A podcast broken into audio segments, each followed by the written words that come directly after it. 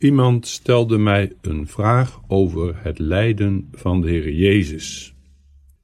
Wij weten dat de Heer Jezus naar de aarde is gekomen om te lijden en te sterven en daarna weer op te staan.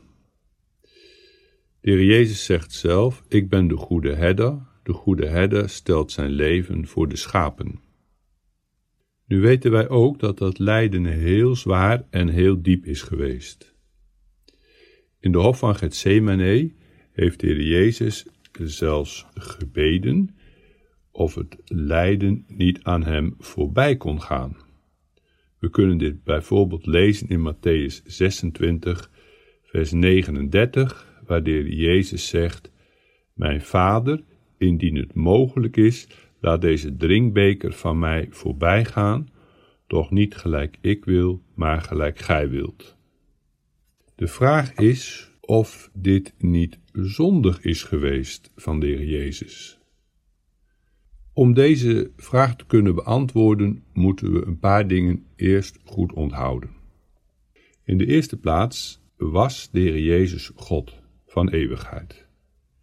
In de volheid des tijds heeft hij de menselijke natuur aangenomen. Hij is dus als middelaar God en mens in één persoon. God en mens. Dat is ook de inhoud van het evangelie. God heeft de menselijke natuur aangenomen, of in de woorden van Johannes, het woord is vlees geworden. Overigens heeft de Heer Jezus nog steeds een lichaam, in de hemel. Voor zijn opstanding had hij een vernederd lichaam, na zijn opstanding heeft hij een verheerlijk lichaam. En dat verheerlijkte lichaam heeft hij nu ook in de hemel. In de tweede plaats moeten we onthouden dat de Heer als middelaar vanaf zijn geboorte tot aan zijn sterven en begrafenis heeft geleden. Hij heeft aan allerlei dingen geleden, de miskenning door de mensen, het verlaten door zijn discipelen, maar het zwaartepunt van zijn lijden lag in het dragen van de toorn Gods over de zonde. Die toorn Gods heeft hij gedragen in zijn ziel en in zijn lichaam. Die toorn Gods en het dragen daarvan wordt ook in onze twaalf artikelen benoemd, en dan gaat het over zijn nederdaling ter hel, het verblijf van de Heere en het dragen van de Heere, van de helse angsten eh, die met dit lijden gepaard gaan. De Heer Jezus was een mens, hij had de menselijke natuur. En als hij dan naar het kruis gaat, en vooral de nacht ervoor in Gethsemane, dan smeekt hij aan zijn vader of deze drinkbeker aan hem voorbij mag gaan. De zegt er wel bij, toch niet mijn wil, maar uw wil geschieden. De Jezus moest dus de toorn Gods over de zonde dragen. En de toorn Gods over de zonde dragen betekent dat hij de straf die God op de zonde had gesteld, namelijk de dood, moest ondergaan. Die straf op de zonde moest gedragen worden. En daartoe is de Heere naar de aarde gekomen. Daartoe stierf hij aan het kruis.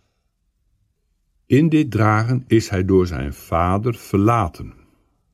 De Heer Jezus zegt ook in het vierde kruiswoord: Mijn God, mijn God, waarom hebt gij mij verlaten? Dit is dus het allerdiepste en het meest ingrijpende moment in zijn lijdensweg geweest. De drieurige duisternis en wat de Heer daarin heeft doorworsteld. Dat kan niemand nadoen dat is een uniek lijden. De Heere heeft dit geleden naar ziel en lichaam in zijn menselijke natuur. Hij heeft dit kunnen doen omdat die menselijke natuur werd ondersteund door zijn godheid. Waarom is nu het gebed van de Heere, in Matthäus en ook in Marcus vinden we dat, toch niet zondig geweest? Onze kanttekeningen op de Statenvertaling geven daarvoor een eenvoudig antwoord. Bij het woord voorbijgaan staat dan ook een opmerking. En dan zegt de kanttekening: De Heere doet dit gebed naar de genegenheid die de menselijke natuur is aangeschapen, om zijn eigen verderf te ontvlieden. Dus de Heere doet dit vanuit zijn menselijke natuur. En die menselijke natuur is erop gericht om het eigen verderf te ontvlieden. Pijn, angst roept altijd weerstand op.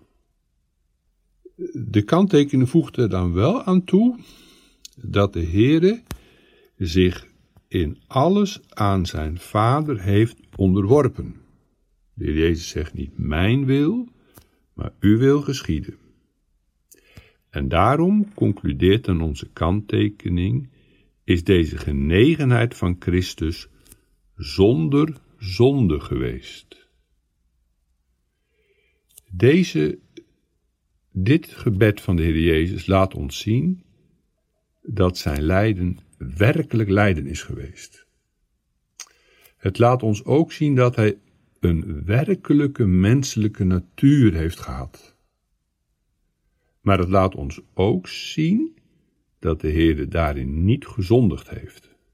Hij onderwierp zich volledig aan de wil van zijn vader. Hij was volledig gehoorzaam. Dit wordt ook nog eens onderstreept als we naar de Hebreeënbrief gaan.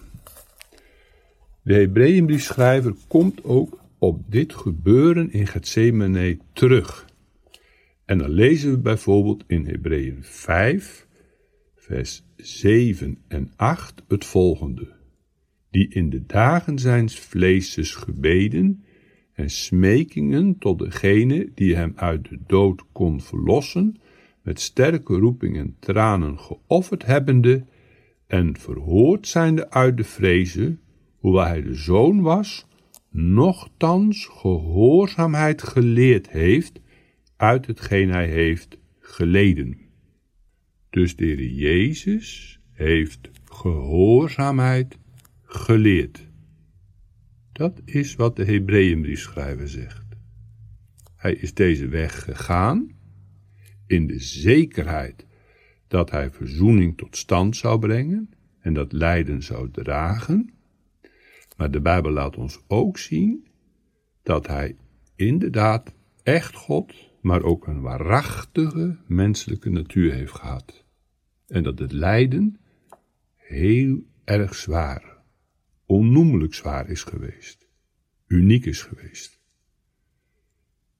Wat zien we in dit gedeelte en in dit bidden van de Heer Jezus in Gethsemane?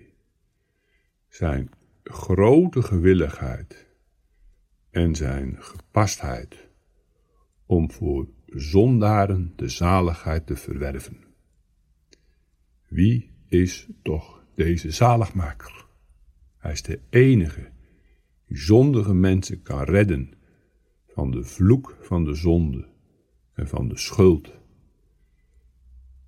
Laat ieder die met schuld en nood te maken heeft, de toevlucht nemen tot deze heiland, die werkelijk is gekomen om zondaren zalig te maken, en die zelf heeft gezegd, ik ben de goede herder, ik geef mijn leven voor de schapen.